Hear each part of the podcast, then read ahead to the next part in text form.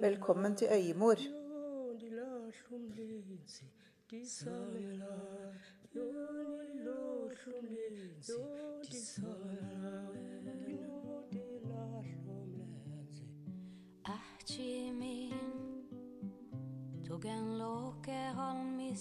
Jeg heter Silje Micaela Kvalheim, og det er jeg som du kommer til å møte her på denne podkasten, og andre modige kvinnestemmer.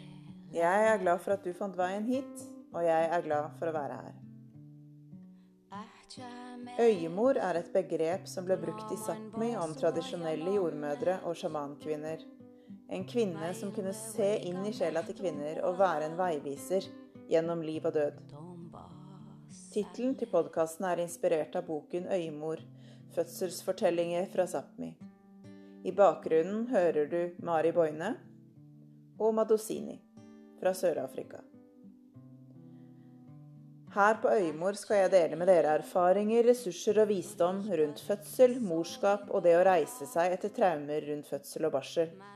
Vi skal reise inn i fødselsriket fra et urfolksperspektiv vi skal møte jordmødre, modige fødekvinner og snakke om, og kanskje med, våre forfedre og de mange og samtidige få veier til heling og gjenreisning. Med podkasten vil jeg skape samtale og åpenhet rundt kvinners opplevelser. Rundt fødsel, barsel og morskap fra kvinners ståsted. Og jeg vil dele med dere noen fantastiske folk som jeg har møtt på min vei. Velkommen hit til Øyemor.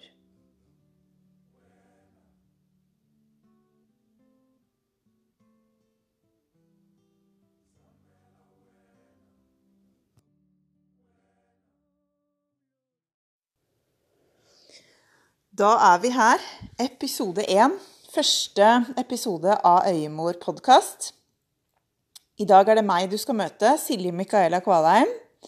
Og jeg er utrolig spent og begeistra over å sitte her hjemme i stua mi noen timer uten barn og mann for å lage i stand første episode. Dette her er noe jeg har tenkt på og kjent på lenge. Og nå sitter jeg her og skal snakke med dere. I dag skal jeg dele med dere min eh, fødselsopplevelse fra hjemmefødsel til sykehus. Traumer og PTSD og veien inn i kroppen igjen etter mange år utenfor. Jeg skal snakke om morslinja mi, flergenerasjonelle traumer og min datter og kjære samboer. Dette blir et veldig nært blikk på meg og eh, mitt liv og min familie og min reise hit i dette øyeblikk. Og jeg er glad for at du hører på og har lyst til å høre på meg fortelle om min reise. Velkommen.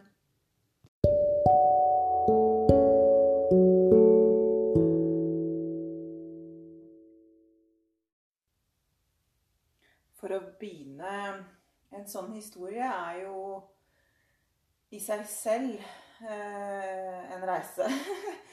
Men eh, jeg tror jeg må begynne akkurat her og nå. Og akkurat nå så er jeg i en del av den, eller en eh, En del av den prosessen hvor jeg kjenner at ting som jeg har jobba med de siste åra, begynner å liksom integreres i kroppen min og i livet mitt. Eh, livet har tatt en helt annen retning eh, de siste egentlig bare ukene.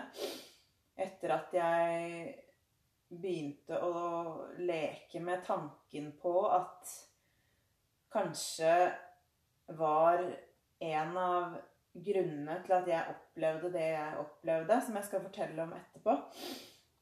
At jeg skulle hjelpe andre. Og at det er en del av eh, meg og min historie, mer enn at det er en del jeg ikke vil at skal være en del av meg og min historie.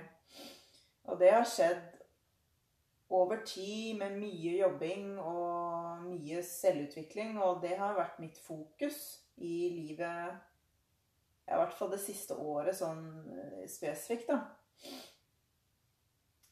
Um, så det har vært i det siste Siden siste måneden så har det vært utrolig mange ting som har liksom landa inni meg. Og det har vært utrolig sånn overveldende, samtidig som det har vært utrolig godt følelser som har vært stagnert inni meg, som har vært vanne og, vonde og vanskelige å få uttrykk for, har liksom flytta seg ut Altså på utsiden av kroppen min. Så det er lettere å gråte og lettere å vise følelser og komme i kontakt med det som bor inni meg. Og så har det også blitt bedre å være meg, sånn at eh, jeg har lettere for å puste. Jeg har lettere for å lande inni kroppen. Og, og liksom eh, hvor, hvor, før så har jeg på en måte ikke vilt være i kroppen. Jeg har liksom ikke Det har vært vanskelig, og så har det vært så, akkurat som det har føltes som et surt miljø å bo i. Å våkne opp i og sove i. Alt har liksom på en måte bare føltes surt. Mm. Så jeg eh, har ei datter, og hun heter Indra. Og jeg har en samboer som heter Arnfinn, og vi bor nå i samme. Og før eh, vi kom hit, så jobba jeg med kroppen min. Jeg jobba som danser. Så jeg har gått på skole for å bli profesjonell danser både i inn- og utlandet, og har jobba selvstendig med egne prosjekter etter utdanning. Um, og så Før jeg møtte Arnfinn, mannen min, så bodde jeg i husbåt. Og jeg jobba mye og var selvstendig og klarte meg sjøl. Jeg likte det livet. Elska Jeg bodde, bodde, i en husbåt i, i Svelvik. Og bodde liksom nært på naturen. Men bodde jo på vann, så det var jo en, hele tiden en bevegelig et bevegelig liv, da, sånn, helt sånn fysisk. Og, eh, og så jobba jeg masse, og masse prosjekter. Kombinerte liksom eh, scenekunstprosjekter med, med jobbing ved siden av. Og det blei Jeg bare kom til et punkt hvor det var for mye. Så jeg, når jeg møtte Arnfinn, mannen min, så, så var jeg liksom eh, jeg var lei av det livet. Jeg var liksom sliten. Og så møtte jeg han, og han eh, var eh, bare alt annet enn jeg noen gang hadde møtt før. Vi fikk liksom en helt annen type kontakt fra, fra jeg traff han. Vi traff hverandre på yoga. Et yogasenter i eh, Drammen. UGB yogaskole heter det. Og der studerte jeg for å Eller altså, jeg går, da, og, og gikk i læra eh, hos en lærer der som het Francesco. Og der møtte jeg Arnfinn. Og vi snakka litt sammen etter eh, kurset, og så var, var det sommerferie, og så traff jeg han igjen etter sommerferien. Og da var vi single begge to og begynte å snakke og og han kom en tur til meg. Og da, da dro vi på padletur, og etter det så var, eh, var det gjort, egentlig. Jeg blei veldig betatt av han, og han eh, viste seg å være interessert i å bo sammen med meg på husbåten. Det var liksom et uh, krav jeg stilte meg, for jeg visste det at jeg ikke ville flytte derfra. Og det er jo et liv som er litt annerledes. Så jeg visste at jeg måtte finne en mann som ville det, det samme livet som meg, da. Og så uh, gikk det et halvt års tid, ikke det engang, så flytta han inn. Og så et halvt år etterpå så blei jeg gravid. Og Indra ble unnfanget uh, på, uh, på husbåten. Og det, det, var en magisk reise. Jeg husker godt uh, Vi hadde snakka liksom litt om svangerskap, og, og, jeg hadde lyst på barn. Arnfinn ei, har ei voksen datter som heter Vilde. Så han eh, var vel liksom litt mer ferdig med, med, med den tanken.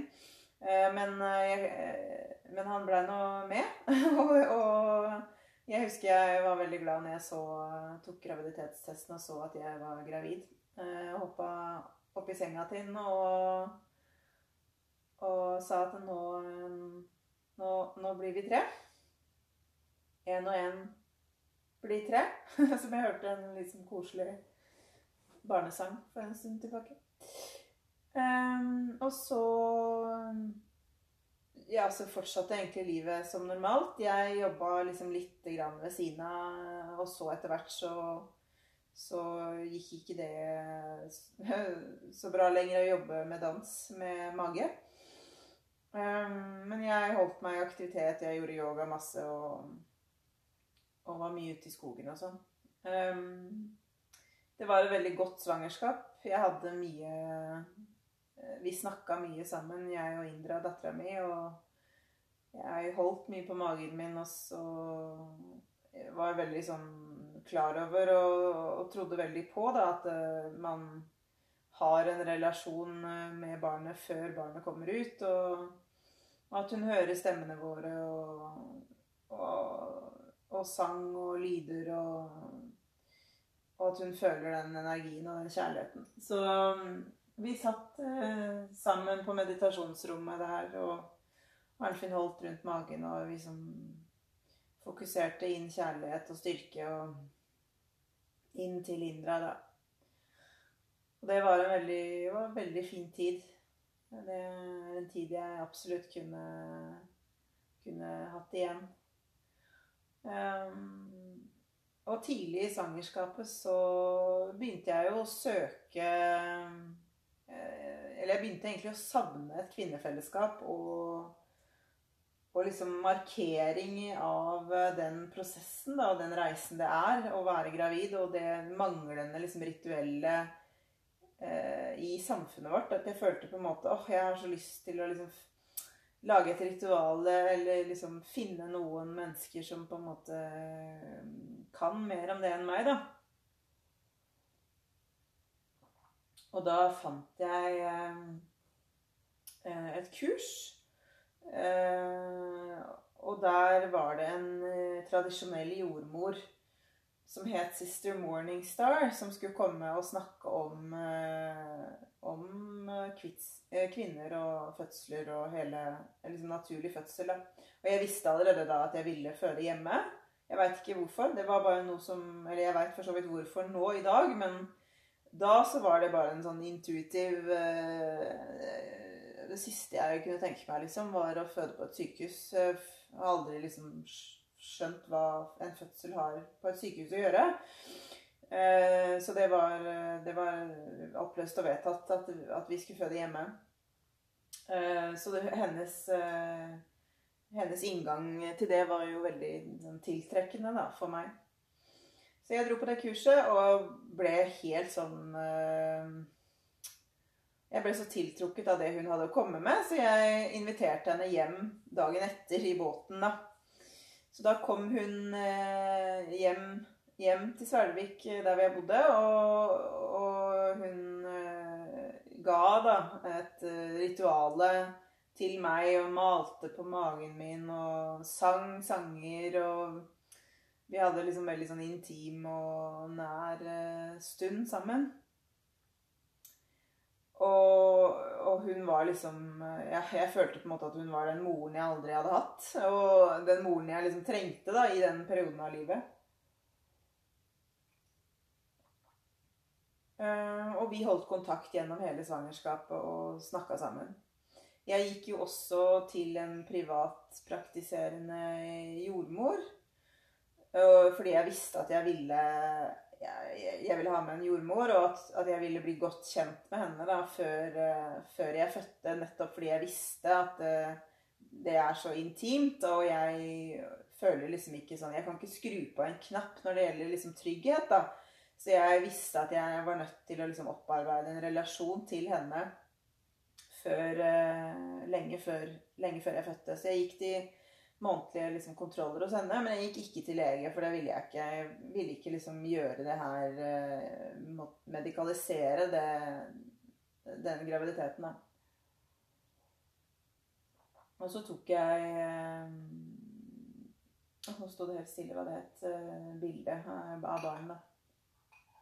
Og alt uh, viste seg å være normalt. Hun uh, Nå husker jeg, jeg altså, som sagt ikke hva det heter. Ikke røntgen, men uh, Nå sto det helt stille. Ja, hun var sånn spesialist, i hvert fall, og syntes at barnet var litt lite. Men da valgte jeg å holdt jeg på å si, ignorere det og bare gjøre som jeg gjorde. For jeg følte ikke at det var noe galt. Så jeg var, dro ikke noe mer og tok ikke noen flere bilder da. Jeg hadde jo også sånn høy pH-verdi på urinen, så det var også snakk om å, å, at det var liksom sånn påbegynnende eh, Hva heter det for noe? Nå er jeg helt ute av eh, Svangerskapsforgiftning. At det var påbegynnende sånn svangerskapsforgiftning.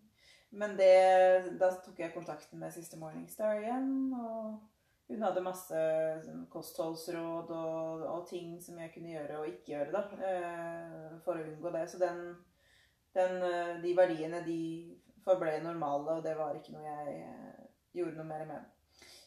Mot slutten av svangerskapet så begynte jeg jo å kjenne det veldig sånn i Eller jeg hadde vel ganske sånn de siste månedene en veldig sånn sterk sånn spenning i ryggen. Vi er i utgangspunktet ganske sånn svai.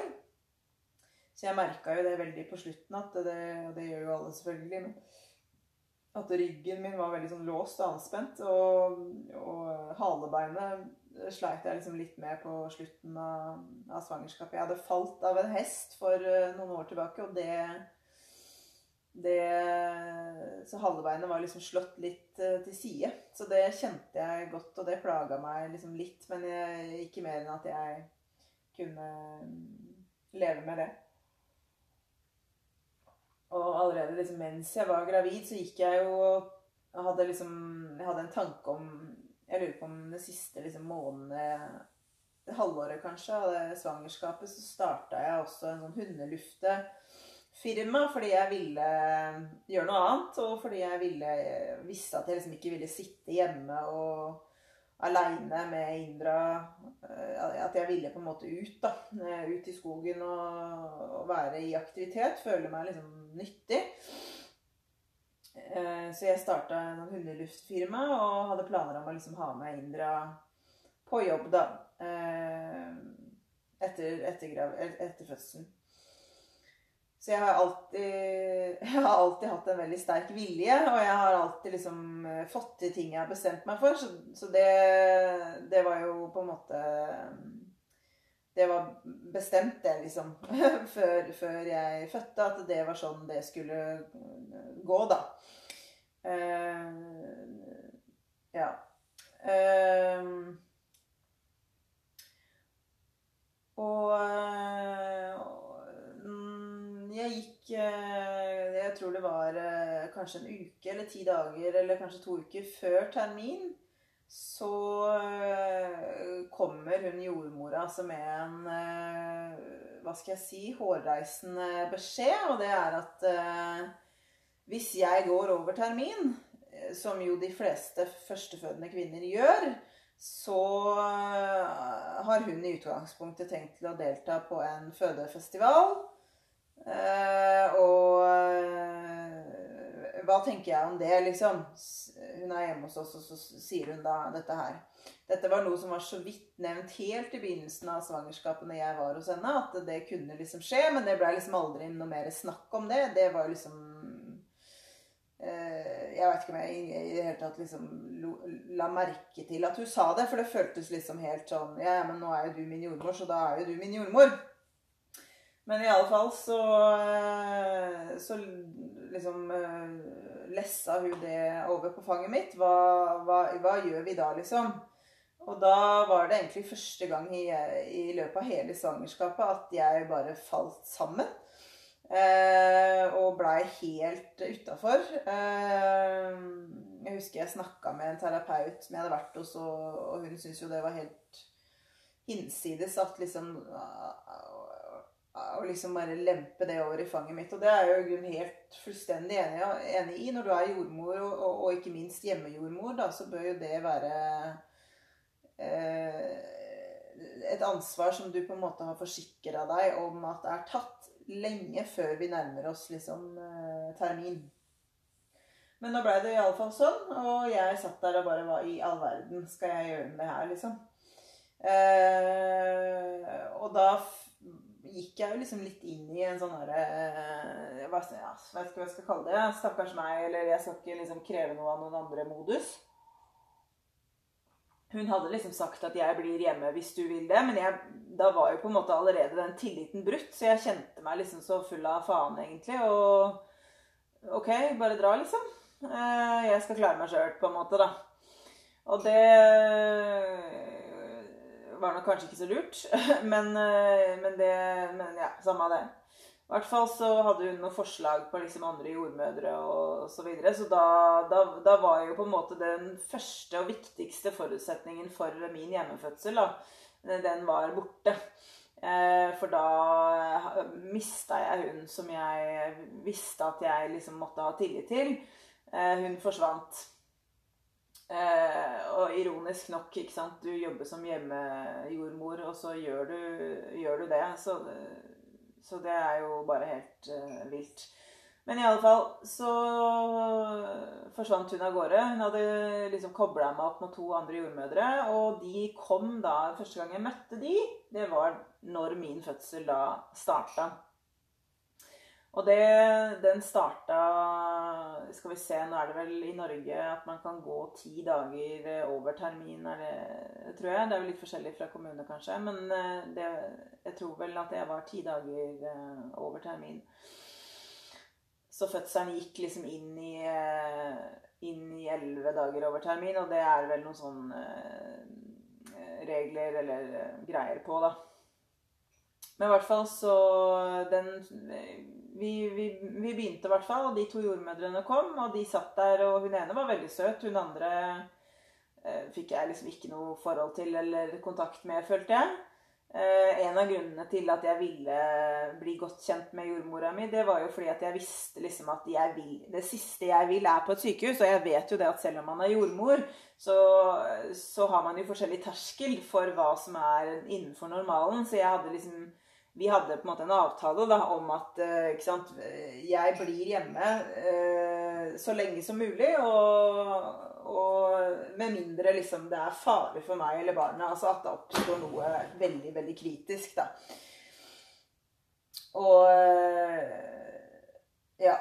Så, og den, så den overensstemmelsen hadde jo ikke jeg med de to andre jordmødrene. De kom jo bare, og da var jeg liksom i gang.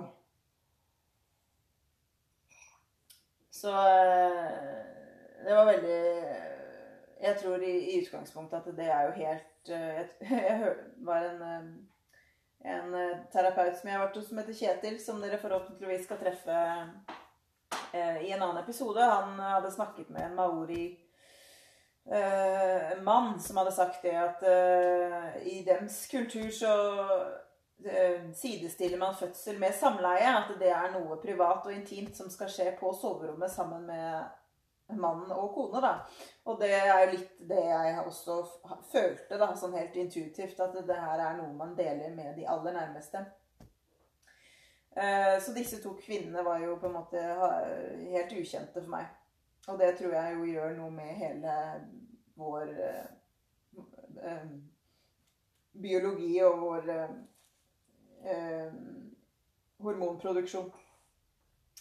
Så de ble sittende der, og gjorde, altså hun ene gjorde det så godt hun kunne. og Hun var veldig søt. Og fødselen eh, starta, og det tok jo liksom tid da, før jeg eh, hva skal jeg si, eh, åpna meg. og det det starta liksom uh, i tolvtida, tror jeg, på morgenen. Og så uh, gikk det liksom hele dagen og sånn. Og ut på klokka ti eller noe elleve på kvelden, tror jeg, om kanskje litt før, så la jeg meg inn på soverommet med mannen min lite grann, og da gikk vannet. Ironisk nok i og med at da var vi alene, da. så så jeg jobba, og vi hadde et lite ba, sånn eh, oppblåsbart badekar i båten. Og, og Rine de kom og gikk. Og eh, etter hvert så begynte jeg liksom å kjenne da, at det, det, var på en måte ikke riene som var utfordrende. Det var den smerten som satte seg i ryggen, for den var konstant. da. Så det sto liksom og sånn og dirra i ryggen min hele tida. Og slapp ikke. Jeg hadde jo også eh, en terapeut eh, sammen med oss og ei god venninne. Og hun er akupunktør, da, hun terapeuten, så hun satt nåler og sånn, men det var ingenting som liksom Det slapp ikke. Så, de, så jeg fikk liksom aldri pause. Jeg fikk liksom aldri hvile, da. Unnskyld. Um, og så attpåtil så begynte det altså da å blåse opp. Eh, som sagt så, så vi da, bodde vi da i en båthavn, og ytterst liksom på brygga. Og det var jo ikke det at det var mange stormer der liksom i løpet av et år, men eh, Men da kom det iallfall en, en lett storm, da. Og jeg har aldri ta, takla liksom vær. Eh, Verken holdt jeg på å si om bord eller ute eller, eller noe sted. Så, så jeg ble kvalm. Og, og den liksom stabiliteten, kan du si, da, du, og tryggheten som du trenger spesielt i en, i en, sånn reise som fødsel er, den forsvant jo også da. For da, da var det jo helt utrygt å stå, liksom. Så jeg kasta opp og klarte ikke å spise og klarte ikke å drikke. Eh, og, da mål, og, da målte de eh, eh, blodtrykk og, eh, og mente at eh, det var for høyt til å være hjemme. Eh, når de kom inn, Med en gang de kom inn døra, så hadde jeg og Arnfinn Eller jeg, da, på en måte først og fremst, hadde jo liksom bare bestemt meg for at nå, nå, må jeg bare stole på de, liksom.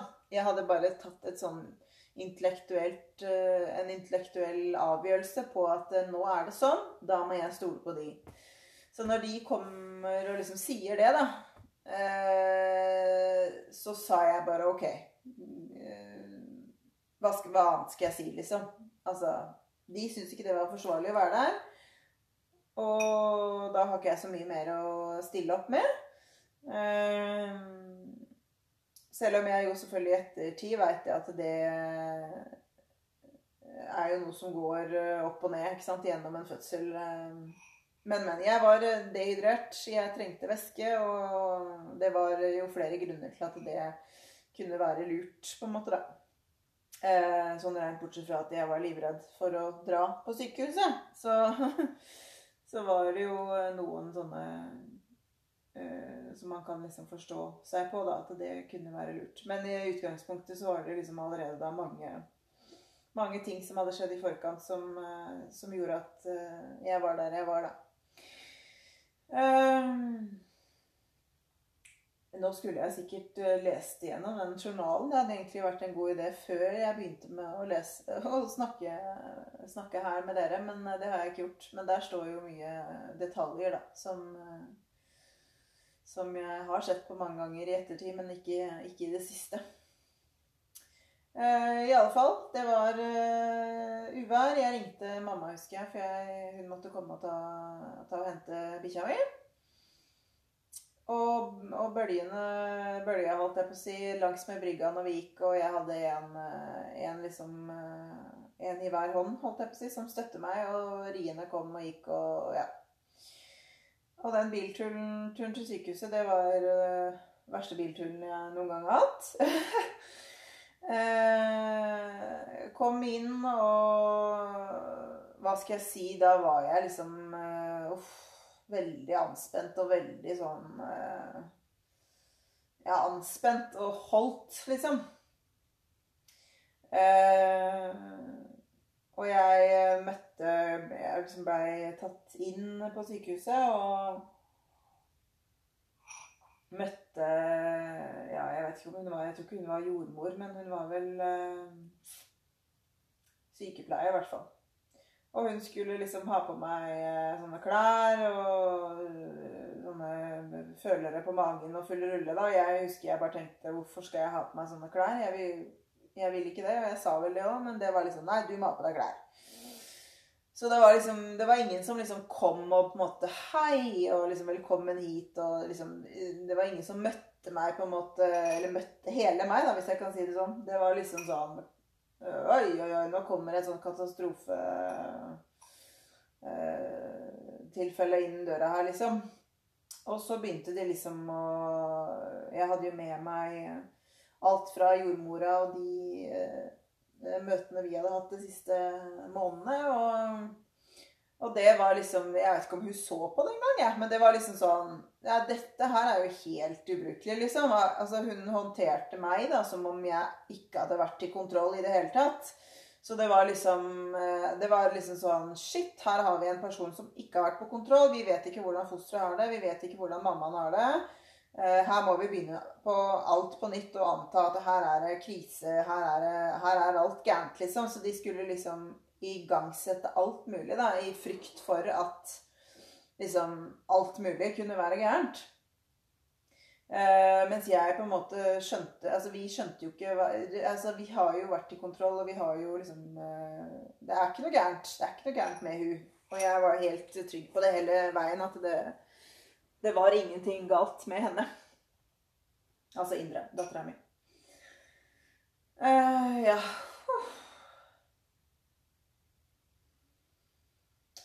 Og så, eh, ja, hva skal jeg si, så begynte kampen, liksom. Eh, jeg følte meg jo ikke trygg der. Jeg følte meg ikke ivaretatt i det hele tatt. Og vi krangla, vi krangla, jeg og mannen min, gjennom hele, hele greia. Uh, og kroppen min slapp jo ikke, da. ikke sant? Altså, Jeg hadde jo rier og sånn, og jeg hadde jo en gradvis åpning. Det var ikke noe sånn unormalt med det. Annet enn at jeg vil kanskje si at det gikk litt langsomt. Men det var jo mange, mange grunner til at det gjorde det. Eh, så, det, så, det, så, jeg fikk jo med en gang liksom en sånn følelse at her er noe gærent, og at her, hun her er liksom gæren i seg sjøl. Bare fordi at hun holdt jeg på å si, ikke ville følge på et sykehus. Um, Eh, men de, de, som jobba, de liksom gjorde jo så godt de kunne. Det var jo ikke det, men det var jo bare det at det ikke liksom resonnerte med det jeg ønska. Jeg ønska jo ikke den der sykdommeliggjøringa i det hele tatt. Og så plutselig så satt jeg der med sånn frakk ikke sant? og sånne propper på magen og eh, blodprøver og, og skjermer og lys og liksom hele rulla, ikke sant. Så det var jo på en måte bare helt jævlig. Og så var det jo liksom da eh, vanskelig ikke sant, å slappe av. Det er vanskelig å kjenne etter hva det er som skjer inni kroppen. Og det er jo ikke minst vanskelig å uh, Ja, man føler seg jo på en måte ikke i en intim setting mer. Man føler seg jo uh, helt under observasjon. hmm. Ja. Og så eh, etter hvert så tilbød de meg eh, epidural. Og det hadde jeg liksom begynt å tenke på egentlig allerede før jeg kjørte til sykehuset. Fordi at jeg følte at den ryggen på en måte ødela for meg. Eh, så da sa jeg ja til epidural, selv om jeg i utgangspunktet hele tida ikke ville det. da. Så ikke sant, man hva skal jeg si? Man er jo utrolig sånn eh, Lett påvirkelig, da, ikke sant? Når man sitter i de smertene og, og i, eh, i, den situasjonen. Så eh, jeg følte jo ikke liksom at jeg hadde så mange som Mannen min prøvde, prøvde og det gjorde venninna mi òg liksom litt når vi kjørte i bilen, husker jeg er liksom Nei, ja, det går bra, liksom, ikke sant. Men så er det liksom noe med den derre Jeg veit ikke, jeg. jeg tror liksom man trenger den derre øyekontakten og den derre Eller jeg i hvert fall hadde trengt en sånn sterk person, en jordmor eller noen som liksom 'Silje, vet du hva, dette her klarer du', liksom. Eh, så ser meg liksom inn i øya, inn i sjela og møter den frykten da, ikke sant? og den smerten som jeg sitter og egentlig prøver å liksom bare skyve vekk, eller ikke ha kontakt med engang. Fordi at uh, det bare er så jævla mye, ikke sant? Uh, men jeg fikk nå iallfall den, og da fikk jeg liksom slappa av bare noen minutter. Og det, det liksom hjalp. Men det gjorde jo selvfølgelig igjen noe med de riene, da. Så de avtok jo liksom litt, og det tok tid og Ja. Når hele tiden så var, liksom, var, det, var det på en måte en sånn følelse av at man var på nåde, da. Liksom, det var liksom sånn Ja, ja, nå, nå, går klokka, liksom, og nå har du dårlig tid, og liksom Du kan få lov å prøve litt til, liksom. Men det lå liksom i kortet at her er ikke Her er det liksom Nå er jeg i Nå er det de som har ansvaret for meg, og det er ikke jeg som bestemmer lenger over uh, meg sjøl. Um, ja. Og så uh, Men det var liksom ikke noe stort sånn nederlag eller sånn, uh, den epiduralen. Det var liksom Det er noe jeg kan gjøre for å, for å på en måte jobbe, meg, jobbe, jobbe med det her, da. Eh, og så gikk det jo bare tid eh, og tid, kan du si, eh, ut natt, utover natta. Og, eh, og, da husker jeg ikke sant, jeg jobba og, og, holdt på, liksom. Og så ringte jeg Husker jeg ba mannen min om å ringe Sister, Sister Morningstar, som jeg traff. Og hun hadde jo hadde jeg liksom hatt samtale med hele svangerskapet. Og hun bor jo liksom inne i skauen. Eh, så jeg sendte henne en mail, og så satt hun seg liksom Svarte med en gang og satte seg i bilen for å kjøre til hennes liksom, by, da. Eh, og sette seg på nettet for å snakke med meg. Så det gikk en halvtime eller noe sånt nå, og så var hun på Skype, da. Så vi snakka sammen mens jeg holdt på og hadde rier og greier. Og det var liksom i løpet av hele det fødselsforløpet så så var det den eneste gangen jeg liksom ble møtt følelsesmessig. Da, for hun på en måte så hva jeg holdt på med, ikke sant? og at jeg var livredd. Jeg var i en setting jeg følte meg ikke trygg og ivaretatt. Og hun liksom så det og speila det for meg. da, ikke sant? Og bare 'Å, jenta mi, liksom, du gjør kjempebra jobb, og de rundt deg prøver å hjelpe deg.' Og liksom, ikke sant, gjorde, sa og viste med hele seg. Eh, prøvde liksom å gjøre meg trygg, da. Og møte mine følelser. Og liksom guida meg og Arnfinn, ikke sant. Og liksom beveg hoftene dine og sett deg ned. Hvil inn i fanget til Arnfinn liksom når du, når du har pause mellom riene. liksom, Og opp igjen og ikke sant. Hun, hun coacha på en måte og liksom, eh, liksom hjalp meg tilbake inn i kroppen. da, fordi at jeg var jo, jeg, Når du er et sted hvor du bare skal forsvare og diskutere og liksom eh, stå opp for noe du tror på, da, og er i, hele tida liksom i en sånn uh, vibrerende diskusjon, holdt jeg på å si, så er det jo ikke så jævlig lett å være i kroppen, ikke sant?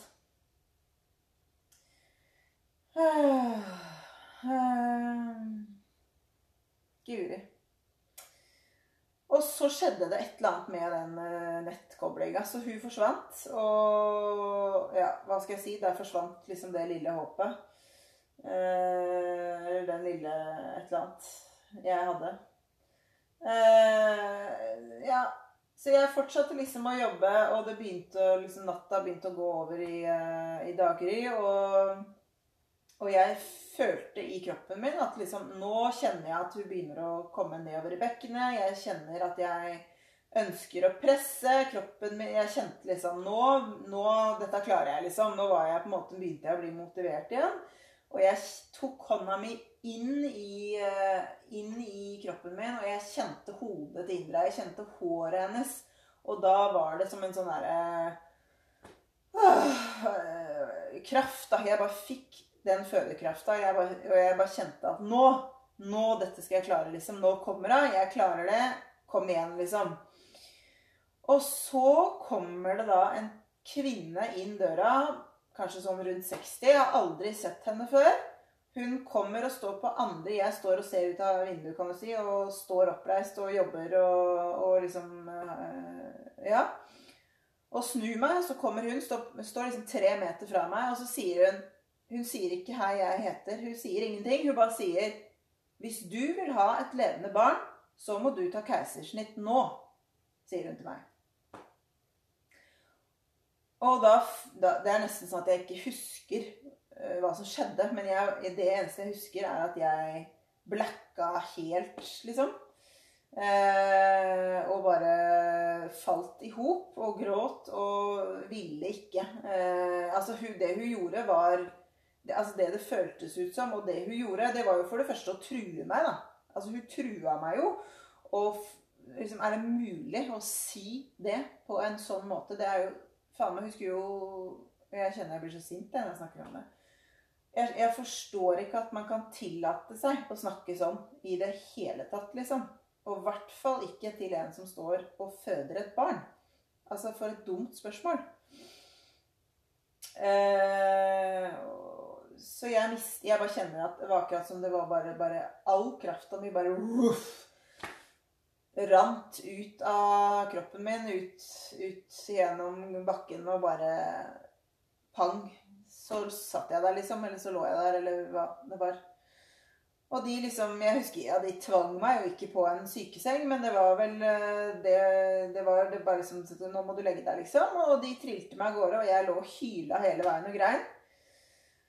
Og liksom eh, inn på operasjonsstua, liksom. Og Arnfinn eh, ved siden av meg og bak meg. Og de hadde satt opp et sånn teppe eller et eller annet dritt foran eh, liksom, brystet, så jeg ikke så hva de gjorde da. Og så husker jeg liksom at jeg bare jeg var, Det var så jævlig å ligge, da. ikke sant? Det var så jævlig å ligge, og det var jo liksom eh, noe jeg kjente hele tida. De, de, ville liksom hele tiden at jeg skulle ligge. Og jeg liksom ville ikke ligge. Og jeg kjente på en måte at Indra ikke heller ville at jeg skulle ligge. Eh, det er jo ikke bra å ligge. Det er jo oppløst og vedtatt. ikke sant? Sånn at jeg hele tiden ønska på en måte å være Eh, eller liksom bevege meg litt, da. Og når de da liksom skulle gjøre den operasjonen, så skulle jeg ligge, ligge stille på det der jævla bordet før den der eh, bedøvelsen eh, begynte å virke, da. Og jeg bare grein og grein og grein og grein. Og grein og grein, og de holdt på, og de fortalte meg omtrent ikke hva de gjorde. Og jeg husker jeg liksom bare skreik, liksom. Hva, hva driver dere med? Eller liksom sånn. For jeg blei jo helt sånn her Jeg så jo ingenting. De holder jo på med min kropp, og jeg vet jo ikke hva de driver med. De spør meg jo ikke engang hva de hva, De spør meg jo ikke engang. Det var jo ingen som spurte meg. Det var jo bare sånn Det må vi. Uten en grunn, uten en samtale, uten noen ting. Hun kunne jo på en måte kommet og satt seg på senga mi og sagt 'Kjære deg, jeg ser du jobber og står i, men vi er bekymra for dattera di.' Men det var jo ikke akkurat det hun sa. Og så ja, så gikk det noen Jeg vet ikke hvor lang tid det gikk, jeg, men så i hvert fall så kom Indra, da, hun skreik, og jeg, hun var frisk. Og det var, det var, aldri en tvil i mitt hjerte at hun var frisk. Det, det, det var liksom var, Jeg hadde ingen frykt inni meg i det hele tatt for at hun ikke var frisk. Eh, så da var det bare sånn Kom hit med ham nå! liksom. Jeg var helt sånn klin gæren, liksom. Og de bare Ja, vent, slutt å mase, eller et eller annet. Og jeg, kunne, jeg er sikker på at jeg kunne sparka dem ned, hele gjengen. ass.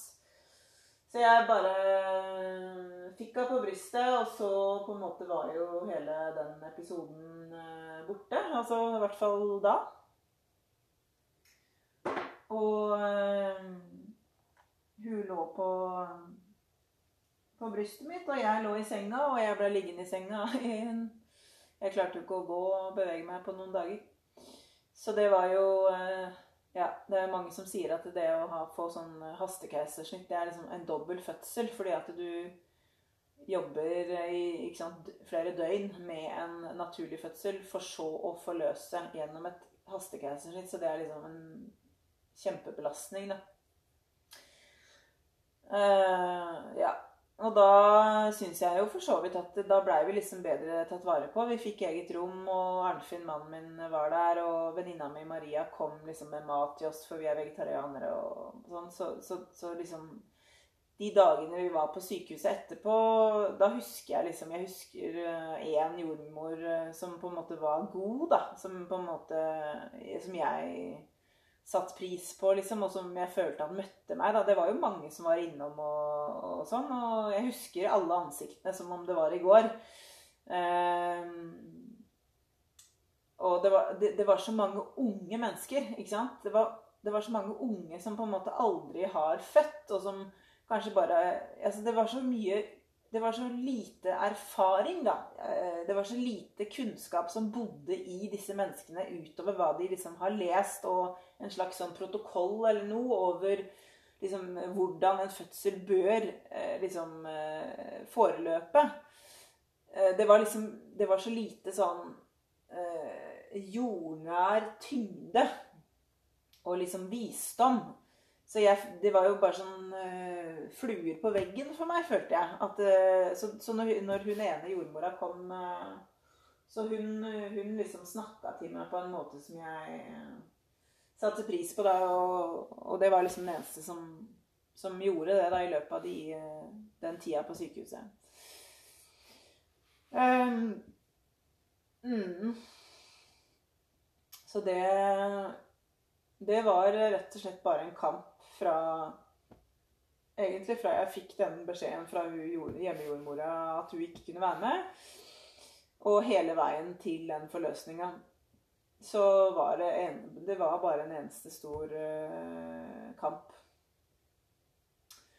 Og jeg sitter liksom nå nesten sånn og lurer på om uh, historien om barseltida egentlig er en egen, uh, egen historie. For det, det, er jo det er fire år, liksom, ikke sant, med eh, Med store reiser i kropp og sjel. Eh, så jeg tror, tror vel kanskje det at det rett og slett er eh, er en episode for seg.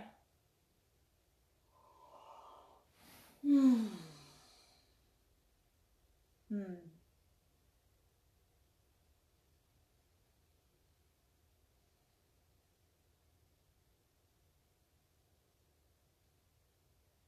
Ja, så kom jeg jo på en ting til òg, da. For da etter, etter, hvert, liksom, når vi eh, På natta, husker jeg også, så Så, så kom Det var jo forskjellige folk, ikke sant, som kom inn og ut, holdt jeg på å si. Vaktskifter og bla, bla, bla. Og så husker jeg på et eller annet tidspunkt at de ville gi meg sånn pytosin, sånn uh, kunstig oksytocin. da. Dette her var jo noe jeg hadde lest masse om, ikke sant? og jeg ville jo ikke ha det. Og det sto på fødebrevet, og det hadde vi snakka om. Og, og, de liksom Nei, vi, vi, må gi deg det, for, for det vil sette, sette, i gang uh, liksom riene og få de kraftigere og sånn og sånn. Og jeg liksom Jeg ville ikke det. Og da hadde vi jo noen samtaler rundt det, og liksom, da fikk vi liksom lov til å holde litt på med bryststimuli før vi da eventuelt skulle sette i gang med det. Så det var liksom sånn eh, Det var ikke jeg som bestemte det. Det var ikke som om det var sånn OK, du vil ikke det? Nei vel, da må vi prøve noe annet. Hva kan vi gjøre da? La oss liksom snakke om det, finne en løsning på det. Det var liksom bare sånn Nei. Det må vi.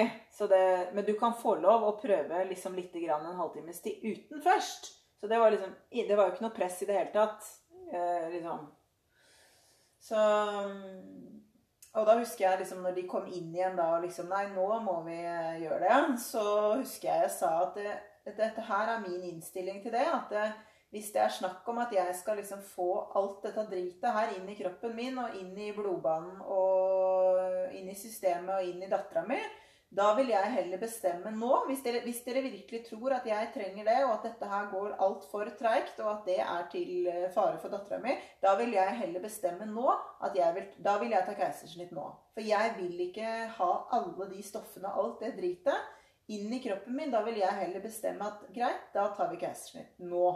Nei, det var ikke mulig. Det var ikke den måten de gjorde på. Det var ikke den rekkefølgen, liksom. Her må vi prøve alt først for å, å forløse naturlig i gåsetegn. Og vaginalt. Og så kan eh, og liksom, det, det, er rekkefølgen vi gjør det på. Det husker jeg sa flere ganger. Eh, at liksom Jeg vil ikke det. Eh, og hvis det er liksom sånn at det, at det tror dere liksom er den eneste muligheten for å holde på å si noe som helst, så så ta, da ville jeg heller ta keisersnitt nå. Og det er jo en annen historie, for da er det jo noe jeg bestemmer, og da er det mitt valg, og det er min kropp, og, og det er faktisk uh, helt innafor, og det, det uh, Ja. Um, men det var altså ikke Det kom ikke liksom på tale. Eh,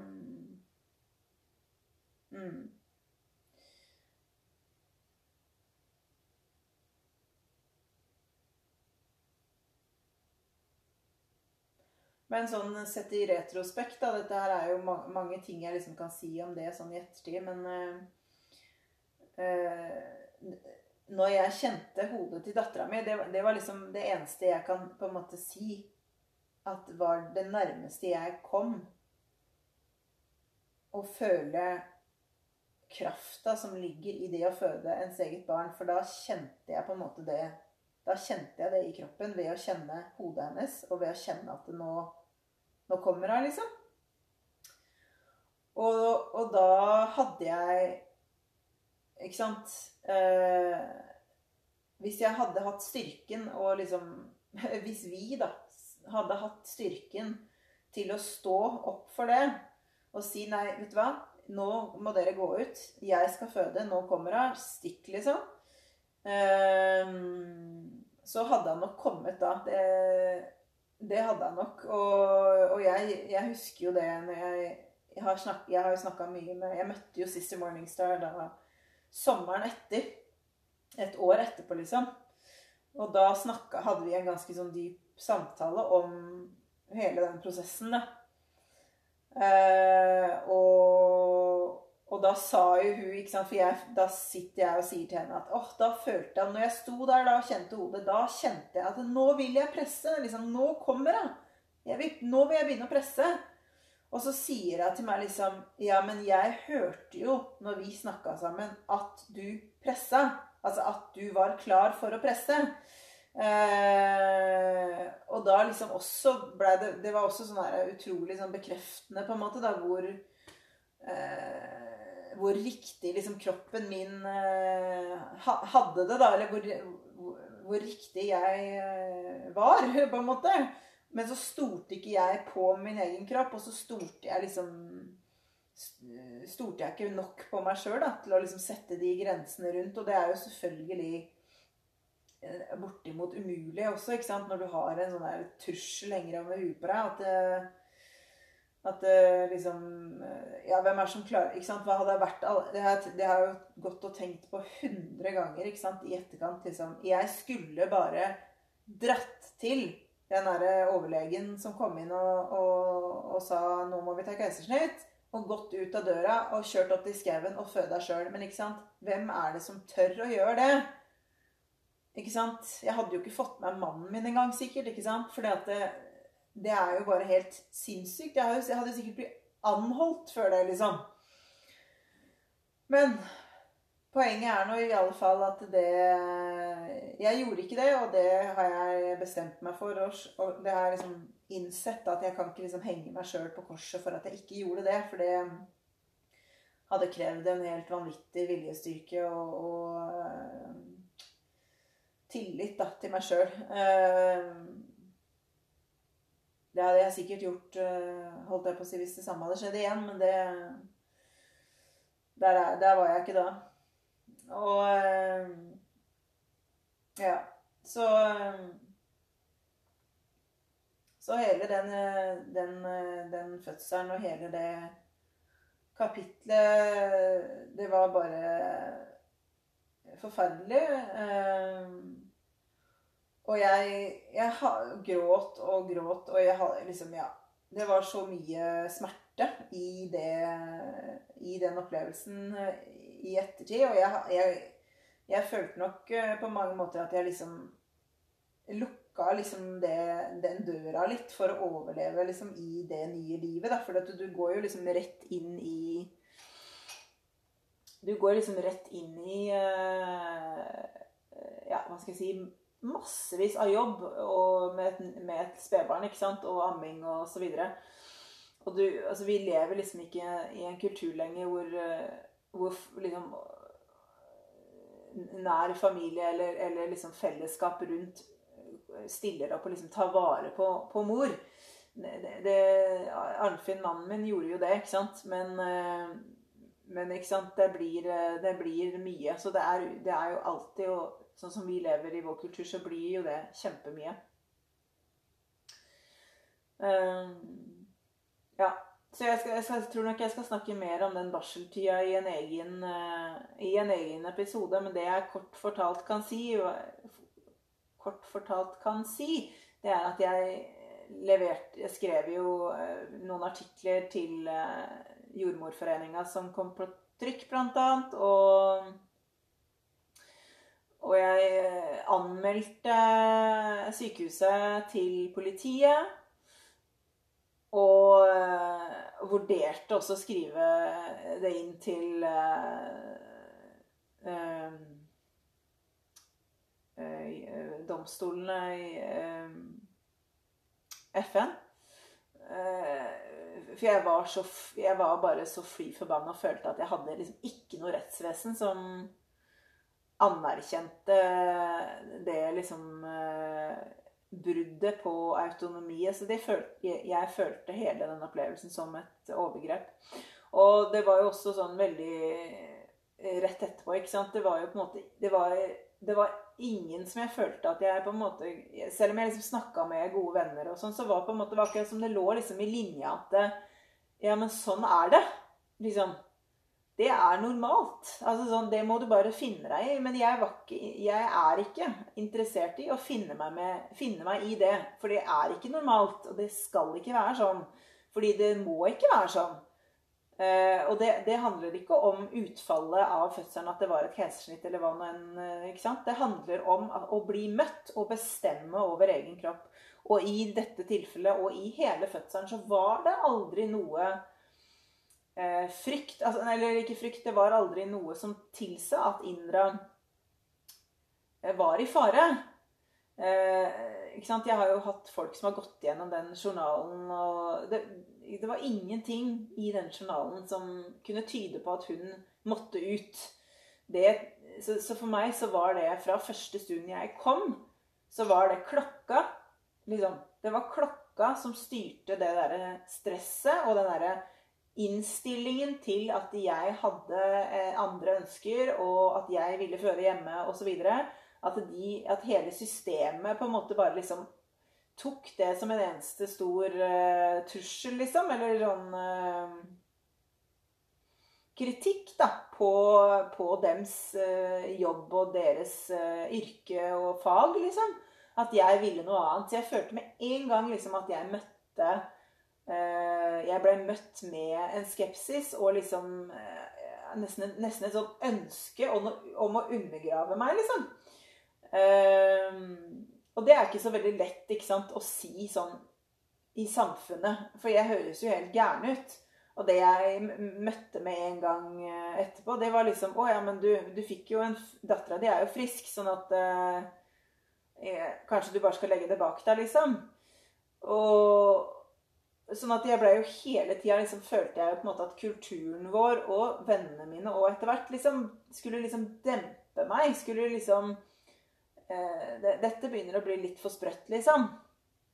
Og nå, liksom fire år etterpå, så, så har jeg jo gudskjelov, holdt jeg på å si, da, eh, skjønt og funnet mye mer resonnement liksom utafor eh, Norge, da, ikke sant? Og, og, det finner, og, det er derfor jeg starter med en podkast nå, for jeg er helt sikker på at det finnes massevis av kvinner som har opplevd det samme. Og det er akkurat derfor jeg vil at vi skal snakke om det. Fordi det er ikke bra nok. Det er ikke, det er ikke sånn det skal være. Og de kvinnene som opplever det, de blir jo sittende i den dritten da i årevis etterpå. Så hvis man ønsker å ta vare på samfunnet vi lever i, og ta vare på naturen, så må man faktisk ta vare på kvinner som føder.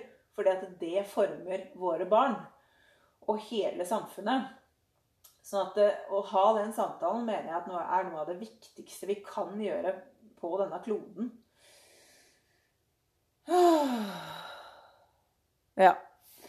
Nå ser jeg faktisk at det er sånn 60 minutters grense for å ta opp eh, episode. Eh, så jeg tror eh, jeg skal begynne å avrunde bare tenke litt over om det er noe mer som det er eh, verdt å liksom dele rundt akkurat den eh, reisen. Hmm.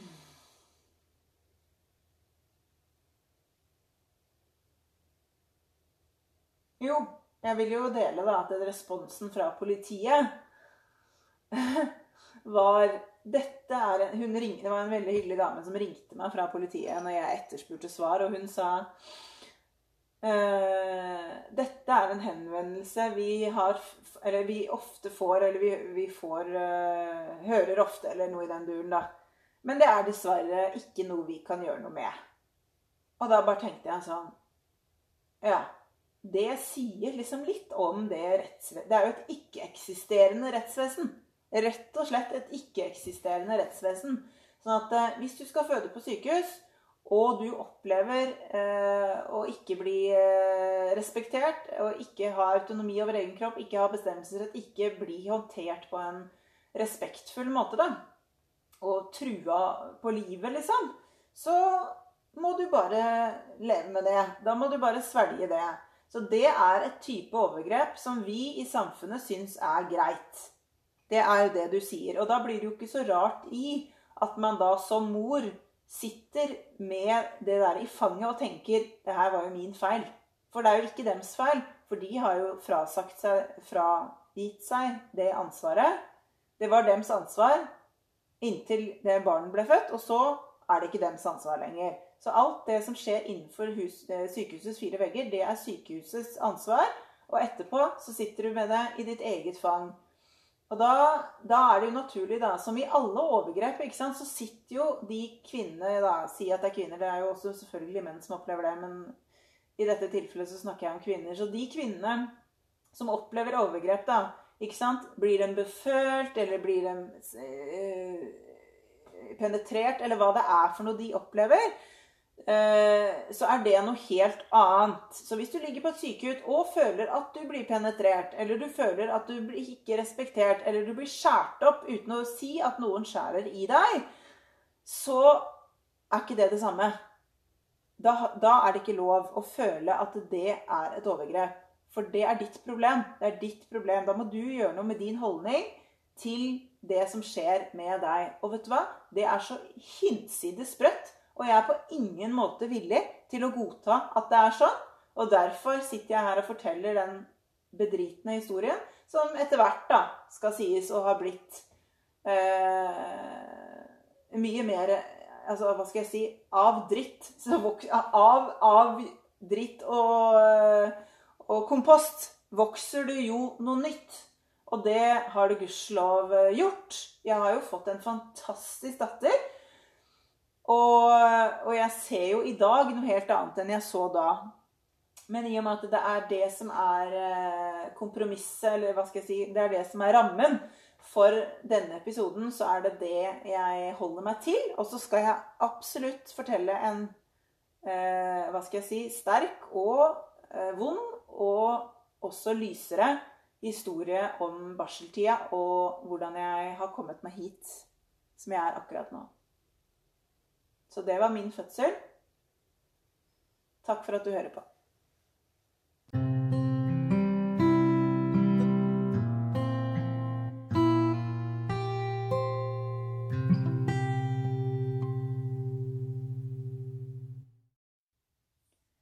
Jeg håper denne episoden har berika deg, og at du kommer tilbake for å høre på mer fra Øymor. Jeg tror at ved å fortelle våre historier gjenerobrer vi den plassen kvinners arbeid bør ha på denne kloden. Jeg vil takke alle som har støtta meg på min reise, som har gjort at jeg står her i dag og gir ut første episode av Øyenvår. Det er utrolig moro, og jeg syns det er kjempespennende arbeid. Dette er en ny retning for meg i livet, men en retning som har ligget i blodet mitt, og ligger i blodet til de fleste kvinner siden alltid.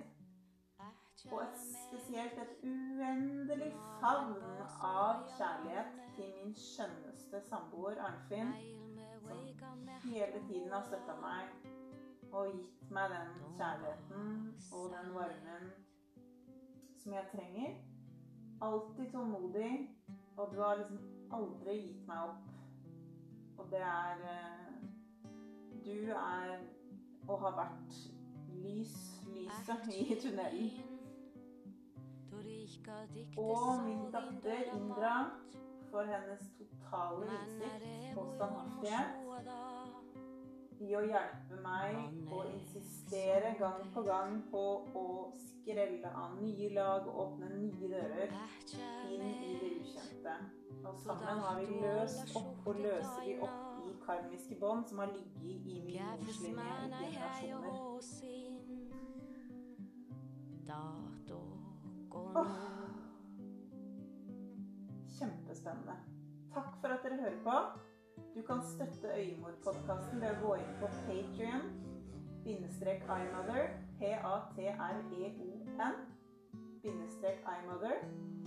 Og ved å støtte dette prosjektet, så kommer det til å åpne seg masse fordeler og muligheter.